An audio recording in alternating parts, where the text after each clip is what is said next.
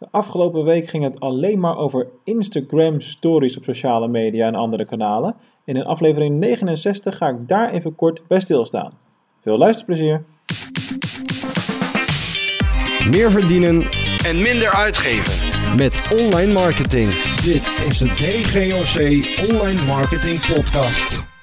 Het is inmiddels al een week geleden dat Instagram haar nieuwe grote update heeft gelanceerd met de lancering van Instagram Stories.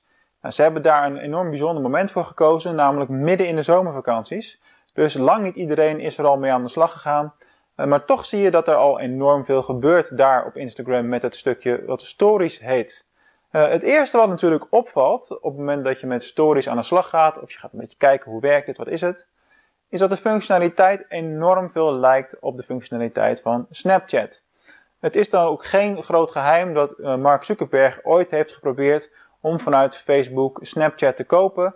Dat is niet gelukt. Een aantal vergelijkbare initiatieven zijn daarna niet echt van de grond gekomen. En nu zien we dus dat, eh, dat Facebook het via Instagram, wat natuurlijk ook van Facebook is tegenwoordig, het op deze manier probeert. En de functionaliteiten komen erg sterk overeen. Eh, nou, wij hebben nu ook een weekje getest. En we hebben gezien dat er eh, heel veel verschillende meningen zijn en verschillende ervaringen. Eh, maar er zijn toch wel een paar dingen die er echt eh, bovenuit springen. Dus die gaan we nu eventjes eh, behandelen. Eh, het eerste wat echt opvalt is dat Instagram Stories een veel groter bereik lijkt te hebben voor degene die de filmpjes aan het maken zijn. Dus met name als je in de marketingcommunicatie zit of op het moment dat je iets aan het promoten bent of iets te promoten hebt, is de eerste aanwijzing toch wel dat Instagram Stories mogelijk interessanter kan zijn dan het gebruik van Snapchat.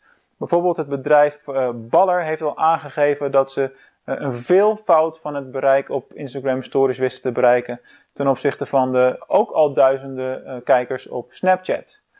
Ook wij hebben hetzelfde ervaren. Wij zien ongeveer een factor 4 tot 5 keer zoveel views op de tot nu toe gepubliceerde verhalen op Instagram.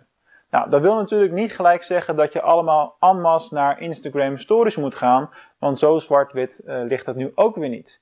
Eh, het eerste wat belangrijk is om daarbij te onthouden, is dat op Snapchat een andere doelgroep actief is. Dus de Instagram-gebruiker, dat is überhaupt al een wat oudere doelgroep. Daarmee bedoel ik 25 plus voor het grootste gedeelte. Uh, en de Snapchat doelgroep, dat zit in die leeftijdscategorie ja, 10, 12, 14 tot 20. En daarboven heb je een groot gapend gat.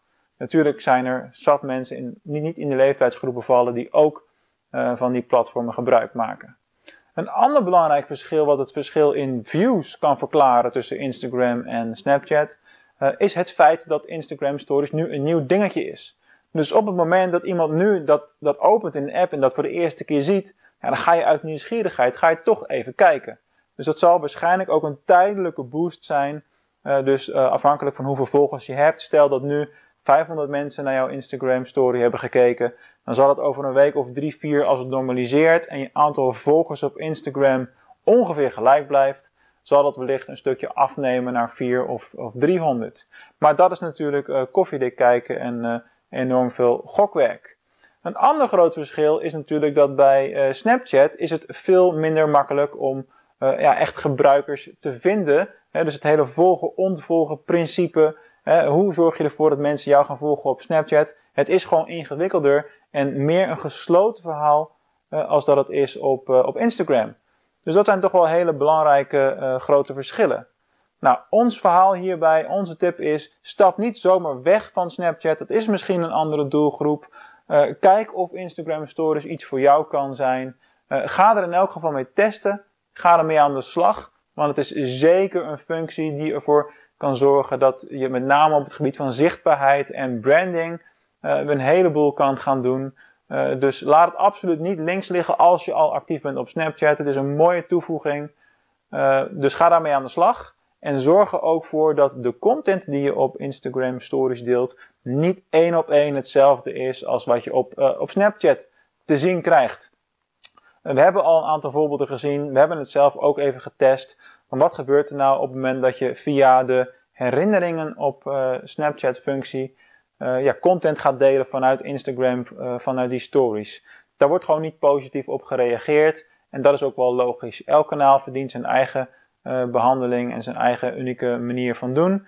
Mensen zitten niet op dubbele content te wachten over de platformen heen. Hoewel het natuurlijk best lastig is om dat in deze twee gevallen om dat goed te gaan onderscheiden.